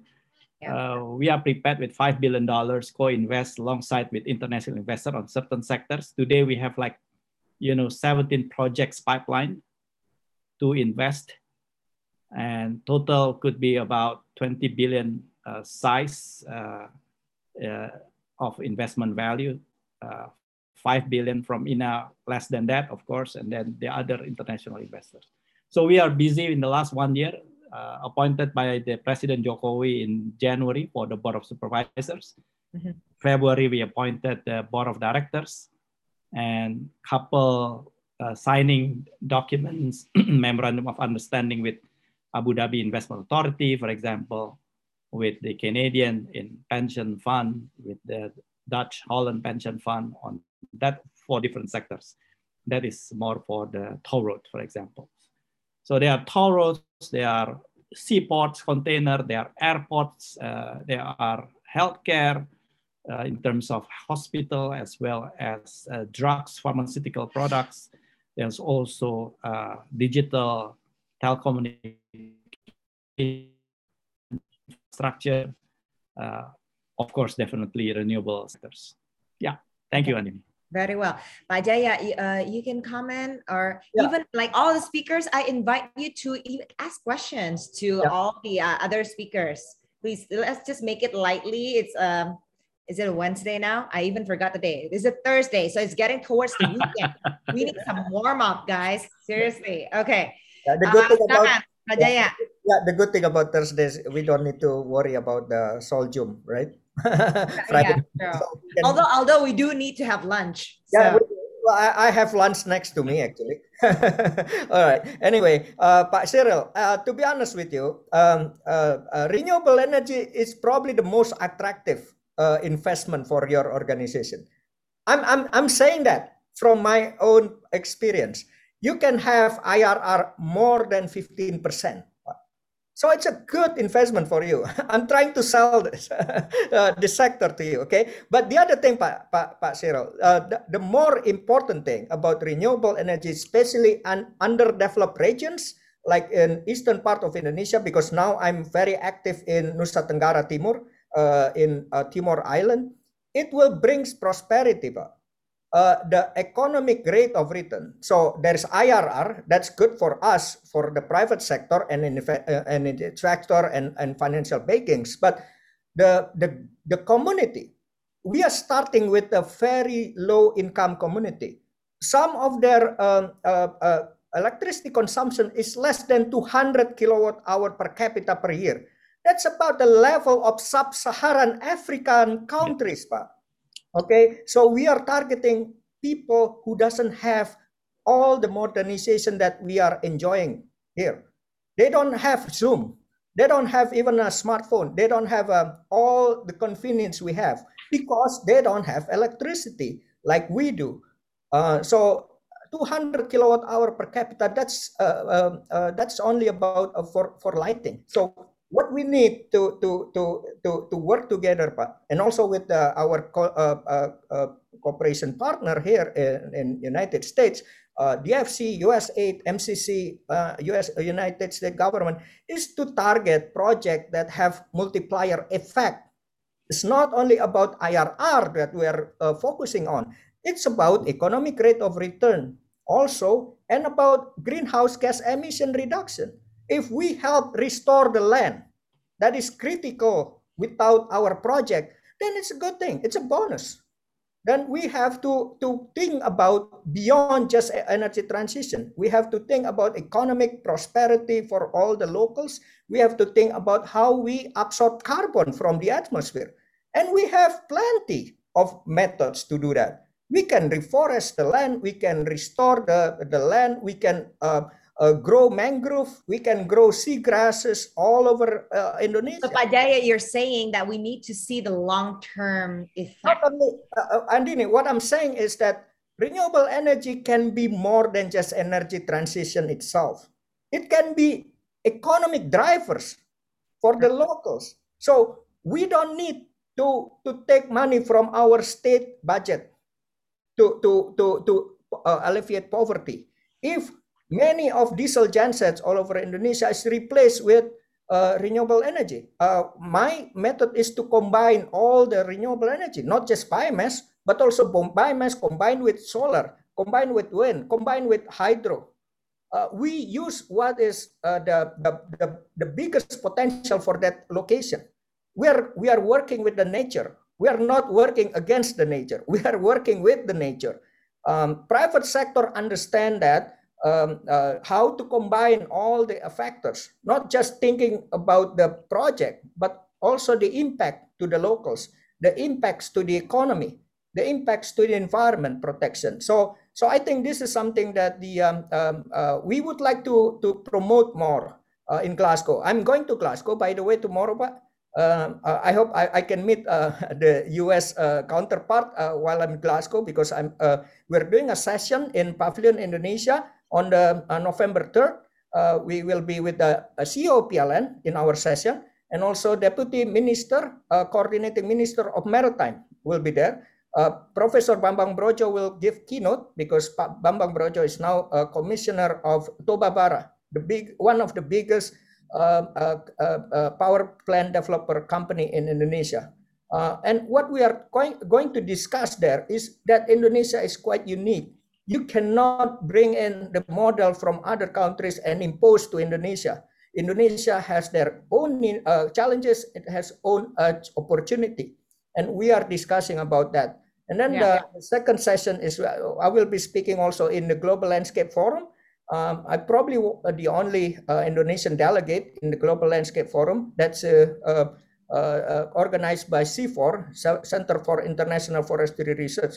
What right. we are promoting is about growing bamboo and other type of plant uh, to help absorb carbon. So we can get the money from the carbon offset, not only from the government, but also corporations. Corporations all over the world, Microsoft, Google, uh, uh, other other companies need uh, carbon offset, and we can provide that. Thank you. Yeah. I follow one? Uh, actually, go ahead, go ahead. Just to go highlight a, a has been pitching to you and No, yeah, just just to, just to just to touch on a comment made. You know, why why the focus on on you know climate aligned transactions, right? I mean, obviously, it fits into broader global efforts, right, to re- reduce emissions with a, with a with a strong focus on the Paris Accord and one the, the 1.5 degree Celsius, uh, you know, target. But uh, you know, a point that that that Pak Jaya does raise is, um, you know, we see the extraordinary opportunity uh, focusing on climate aligned transactions, what, what that presents for economic revitalization and equity, right? Through job creation, healthier communities, uh, the, death, the dismantling of even gender inequities and, and, and driving forward inclusive growth, right? So uh, we, we, we have really um, uh, both the you know the high level you know I call it the micro level uh, um, objectives in supporting uh, attractive investments that, that hit key targets for the country and, and for some of these broader uh, climate aligned objectives, right? But uh, but but in parallel with that is is uh, is recognition of the knock-on effects uh, that these projects have on local communities and ultimately for broader economic growth. Um, the other the other point that I just wanted to, to, to touch on, which you know, which comes down to the IRR, you know, topic, right? Um, without without a doubt, right? The the the the projects that are positioned to move forward expeditiously are those where the resource is has been uh, determined to be bankable uh, and that the rate of return for the investment uh, is, is well worth the time and the resources and the capital uh, to, to, to see that project move forward. Um, you know, a big question mark of that is, is obviously the tariff rate that goes along with it. Yeah. And, uh, and you know, uh, Sandy mentioned the, the issuance of the RUPTL, which was a, a fantastic milestone, I would say, in, in seeing a lot of these, uh, in facilitating the movement forward on a lot of these projects. Embedded in that, you know, we're we're we're focusing on what um, you know some of the some of the the target COD dates, right? So the the, the dates when projects need to reach commissioning, uh, particularly focused on some of those on the earlier end, right? 20, 2025, 2026. Uh, those projects need to start like now. Uh, and, and there are a lot of shovel ready projects that are ready to move forward. And so we are very focused on how the the projects identify how the capacity identified in the RUPTL is now procured out to the investors that have already put capital at risk uh, in in identifying the resource, uh, um, identifying land, uh, and and like I said, uh, getting projects to basically shovel ready status where all they are waiting on is the award and the, the ability to negotiate the PPA and ultimately the tariff rate with with with PLN. So that's that's where we're very focused. As we look further east uh, uh, on in, into some of these communities that that Pak Jaya is, is is raising, I think we need to be realistic with the fact that um, there's going to be need to be support, both state provided uh, uh, as well as through philanthropic organizations, in closing the gap between the levelized cost of energy. So basically, the cost to develop the project over the lifetime of the asset uh, with the ability to pay, right? So, um, you know, the, the, tariff rate not only does it is it is it inefficient to look at it as um, basically a um, uh, you know a, a, a, set rate, you know, uh, across the country, uh, but to take into consideration the the the cost of development naturally means that the the tariff rate for those projects are going to be higher. And so the question will come in how do you how do you how do you provide for uh, a rate of return that is attractive enough to develop that project while also taking into consideration the local community's ability to actually pay that rate right? So that uh, they do get to enjoy the the benefits of of being connected to reliable power. So just wanted to end it there. Mm-hmm. Cyril, you want to add something? Yeah, I guess uh, that's a very relevant point. Uh, the uh, issue on, of course, rate and re rate of return as well as you know ability to pay, and I think that's of course from investor perspective is very much relevant. You know, uh, you know, again, investor is searching for profit, and of course, depends on what model that they adopt. A pension fund uh, would be different than again short-term uh, you know horizon investors. So again uh, on renewable sectors even different in terms of size for solar for waste to energy for geothermal that would be different as well in terms of return in terms of ticket size of investment and of course the risk profile so again, uh, Pak Jaya, for example, or Douglas, for example, if we are talking about geothermal is a big project, and that's one of the things that uh, if you look at state enterprise today, they do have geothermal assets, and you know that would be area, for example, for exploring ideas, but huge amount meaning that over could be 50, 100 million US dollar ticket size. Uh, but for uh, you know solar panel it, of course, different size of the, the kilowatt uh, peak for the solar panel. Now, the other area actually, what is important, I, I saw questions uh, on the, the, the chat box uh, on questions whether uh, what's the difference between sovereign wealth fund Indonesia and BKPM. Uh, Ini singkat aja ya Pak ya. Ini singkat aja karena we're getting towards the end. Oh, yeah. okay, okay. All right. I think the difference simple that uh, sovereign wealth fund is investor, BKPM is not investor. BKPM is organizing the administration of investors in Indonesia. I think that's a, the, the clear distinction between the two. Right. Yeah. Yeah. Yeah, I know that you can answer it to the person directly. That's why I don't read it out loud. I so, see. Okay, this is the last question and a closing uh, from all of you, from starting from Sandy and then uh, Douglas, Pak Cyril, and then Pak Jaya You can conclude. What can we hope from COP26? Sandy. Go ahead. Sure. Uh, yeah, thank you for that. And actually, that was what I was going to say um, anyway. So this is perfect. Um, so I think before we close, I wanted to sort of outline for the group today um, the four main objectives that the United States have going into Glasgow. Uh, first, um, as um, sort of all the panelists and everyone any experts that's talking about uh, this issue of climate change is talking about. Number one, we want to, uh, in Glasgow, achieve substantial progress towards keeping uh, the goal of limiting uh, global warming to less than 1.5 degrees Celsius.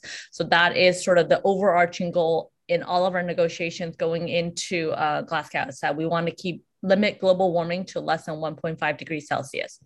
Second, we want to send a clear signal to the parties to the Paris Agreement that we, the United States, is uh, uh, committed to continue to strengthen climate ambition during this decisive decade. And I think anybody who has listened to our special presidential envoy for climate, John Kerry, speak in recent uh, weeks and months, um, this uh, he continued to stress that this is the decisive, decisive decade, and the reason is because um, you know know, if we are talking about net zero by 2050, right, then this is the decade in which policy needs to be uh, enacted, implemented, created, so that during the next decade, we can put those policies into place so that we can achieve uh, the, the, the targeted net zero um, goals by 2050. So this is a decisive, decisive decade.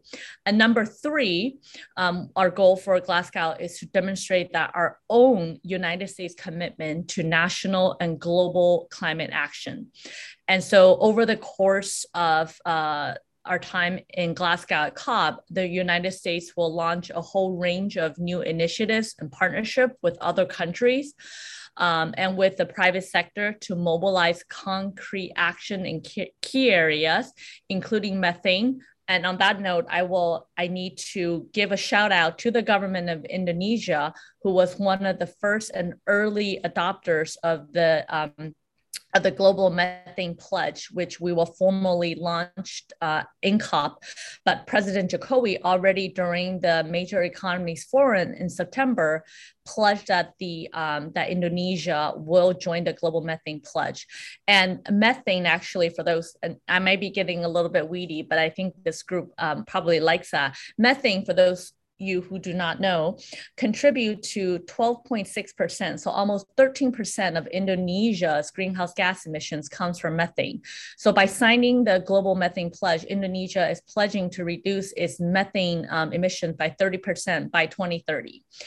And so there are other initiatives that we will be launching during a COP that will demonstrate sort of the US uh, commitment to both to this issue, both domestically and internationally. And then finally, the fourth objective uh, for the United States going into COP is to complete what we call the Paris Rulebook, i.e., the remaining guidelines that will elaborate sort of the agreement. And one of the objectives under the Paris Rulebook includes um, outstanding work on Paris Agreement's common reporting system to promote transparency by all countries, and um, adopt des- decisions on the carbon markets. I know that is an issue that I've heard many of the speakers uh, ask about and discuss today. Sort of the uh, the creation of a carbon market to trade uh, carbon credits, of which Indonesia has a huge resource of carbon credits.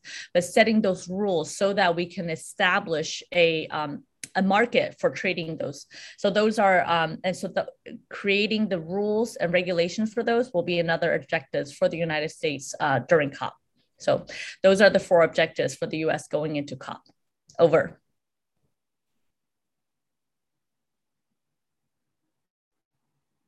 Uh, very well. Doug? Oh, Sandy put it put it well. I, I, I, not too much to add on to that, but I, you know, to to kind of tie back to the vice minister's comments that the road doesn't end at Glasgow, right? Uh, and looking forward to uh, exciting two years ahead, both in turn in, leadership positions for Indonesia, or both at uh, at at the G20, uh, and then for ASEAN after that, right? And um, doing what DFC can can support to help showcase really uh, what what is what is possible uh, in in driving uh, sustainable development in Indonesia and working with uh, with great partners uh, like Cyril at uh, and and and the Indonesian Investment Authority. It's it's it's it's colleagues over at PTSMI. it's supporting projects like Pak Jaya and others are are, are promoting. Um, and you know, I'd like to see you know your question is coming out of it. I'd like to see you know a, a clear procurement process that helps getting some of these projects identified in the RUPTL moving. Thank you. Pak Cyril. Yeah, thank you. I guess uh, it's it, uh, expectation is really RUPTL. It's really an effort to uh, provide the electricity uh, activities really led by PLN uh, would would indeed you know uh, be materialized and and more detailed action plan how to do it, how to deliver it. They, of course, they are based on assumptions like the growth of the electricity sales going to be like 6.4%. For example, of course, the assumptions that going to increase the generations power like 15.4 gigawatt. Uh, but I think what most uh, important is how to reduce the coal contributing that 55% of the electricity. And expectation is the renewable energy would contribute, let's say 23 to 24% by then, you know, 2028, 2030. So how the executions to do it, where we know the renewable energy in general would have a higher cost structure and that would be an issue to mitigate and, and that's the challenging portion. Uh, despite for solar uh, renewable energy technology would drive the price down, down, except for the battery may still be a bit uh, high, but uh, other than that, uh, could be very competitive. So I think all in short, the expectation for two six COP in Glasgow would strengthen the commitment to realize the you know target for reducing the carbon emission. And last but not least, Pak Jaya. Thank you, Andini. So my expectation is simple. We need to listen uh, to each other more rather than just imposing uh, uh, uh policies to uh, from uh, both sides. You know, developing developed countries to developing countries or developing countries to developed countries, just demanding, but more about bringing the the their own effort to show their own effort about uh, greenhouse gas uh, emission reduction in their uh, uh countries. Now, Indonesia and uh, especially Indonesia and US, uh, we are the two, not the biggest, but number two and number three biggest democracy in the world. Why it's important? It means that there's always going to be a political dynamic in Indonesia and US. Uh, but we we need to to really uh, trust each other that the both countries will will pull its own weight to to help uh, the whole world to uh, uh, achieve net zero carbon emission by 2050. and that's a very important. And Indonesia, not only that Indonesia is uh, fourth biggest country in the world in terms of population, but we are also representing uh, developing countries this year. Uh, as a presidency of a, a, G20 summit will be in Indonesia. And then after that, we are also representing ASEAN. Uh, so when developing countries is the majority of population in the world still live in the developing countries, it means that we are representing the majority of the population in the world uh, in G20. And in ASEAN, we are representing 600 million people in ASEAN. So we are not only representing 300 uh, million people, we are representing 600 million people that still need economic prosperity, uh, still need um, uh, recovering from the pandemic, uh, still need about uh, having a, a, a, a good environment uh, where they live, not only in the cities but also in the uh, uh, all over uh, the archipelago, in the small islands, in um, in the middle of the jungle, anywhere where they live. They deserve to have a good life they deserve to have an environment that can sustain life. Um, so I guess uh, this COP26 will bring another um, hope because we're just coming out from pandemic. We're going to meet uh, uh, people face to face. I think we should um, uh, uh, grow trust to each other because we uh, we have to collaborate. we cannot. Um, no country can can solve this problem by their own. We have to collaborate, and and we need to listen more. Thank you.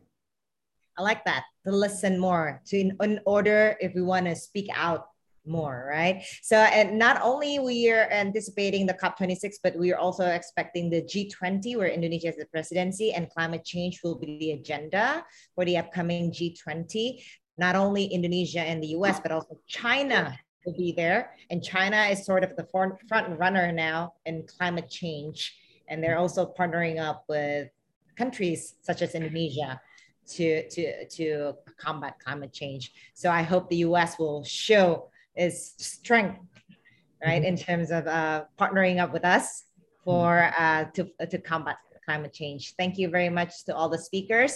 Now, like uh, as a good Indonesian, we need to take pictures at the end of an event, right? Uh, so yes, we will take pictures on my cue. Boleh di ini, boleh dibagi uh, uh, ininya uh, layarnya jadi bagi lima gitu panitia and then we'll take pictures together, all the speakers. Silakan. Jadi spotlightnya jangan hanya di uh, Pak Cyril. Oke, okay, we'll take picture.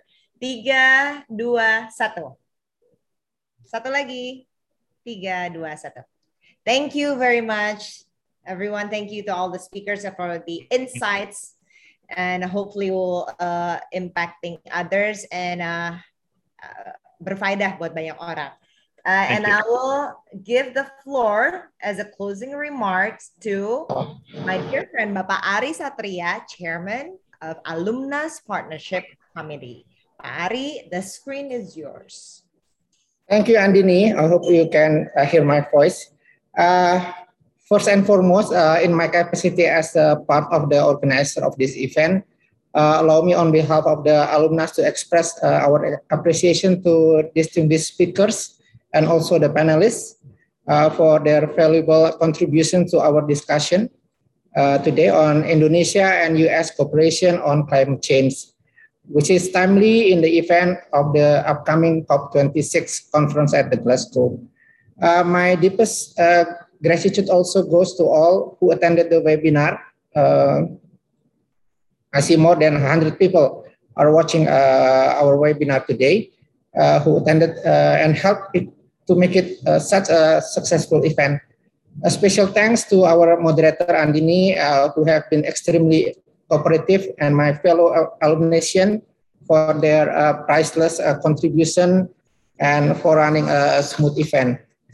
alumni strive to become a pro productive member of Indonesian society and we believe that it is important to bring together uh, diverse group of uh, people coming from different industries, academic expert, government representative, and stakeholders to discuss important and many things, uh, many times challenges issues uh, that Indonesia are facing in hopes to uh, provide a deeper understanding of the issues uh, to the society and provide inputs on policy formulation and also uh, build stronger cooperation among us. I believe that uh, today's webinar uh, have met uh, those expectations. Hearing and learning from uh, speakers, panelists, uh, as well as the audience has educated me and all of us here on a number of important issues related to renew renewable energy and climate change in Indonesia, including the concept and implementation of the net zero carbon and related issues. I'm certain that uh, the takeaways from this webinar uh, will deepen uh, our thinking and uh, stimulate future works in this area, including finding a technological breakthrough, formulating a balanced development strategy with environmental protection, and conversation, uh, cons conservation uh, strategy and how uh, we all can uh, collaborate both within our nation and between Indonesia and the US. Uh, Alumnas will certainly look forward to working closely with the U.S. Embassy in Jakarta, along with the U.S. Uh, DFC, USAID, and uh, other U.S. development agencies. Uh, to end my closing, uh, Alumnas would also like to invite uh, all of you to participate in Alumnas upcoming programs, including the alumni summit that Chief Jimmy already said earlier this morning that will be held in November in a hybrid uh, uh, scheme, uh, both online and offline, where in that alumni summit from the partnership committee, we, we're thinking to have a, some kind of MOU signing between alumni and several entities, where you can find the information uh, at our uh, social media. Uh, and we look forward to expand our collaboration with all of you to build a better and prosperous Indonesia. Thank you again for joining us today, and we will see you next time. Thank you, Andini. Thank you, Pari. Thank you, everyone. Thank you to all the speakers. Thank you to all the people who already submitted their question. Mohon maaf tidak semuanya bisa disampaikan. Dan terutama pertanyaan untuk keynote speaker. Karena tugasnya keynote speaker tidak untuk menjawab pertanyaan-pertanyaan. Tapi itu tugasnya dari speakers panelis. Terima kasih banyak Bapak Ibu sekalian. Dan sampai jumpa di acara Alumnas berikutnya. Terima kasih. Terima kasih. Thank day. Thank you. Bye. Thank you. Thank you, Andini. Thank you. Yeah, Andini.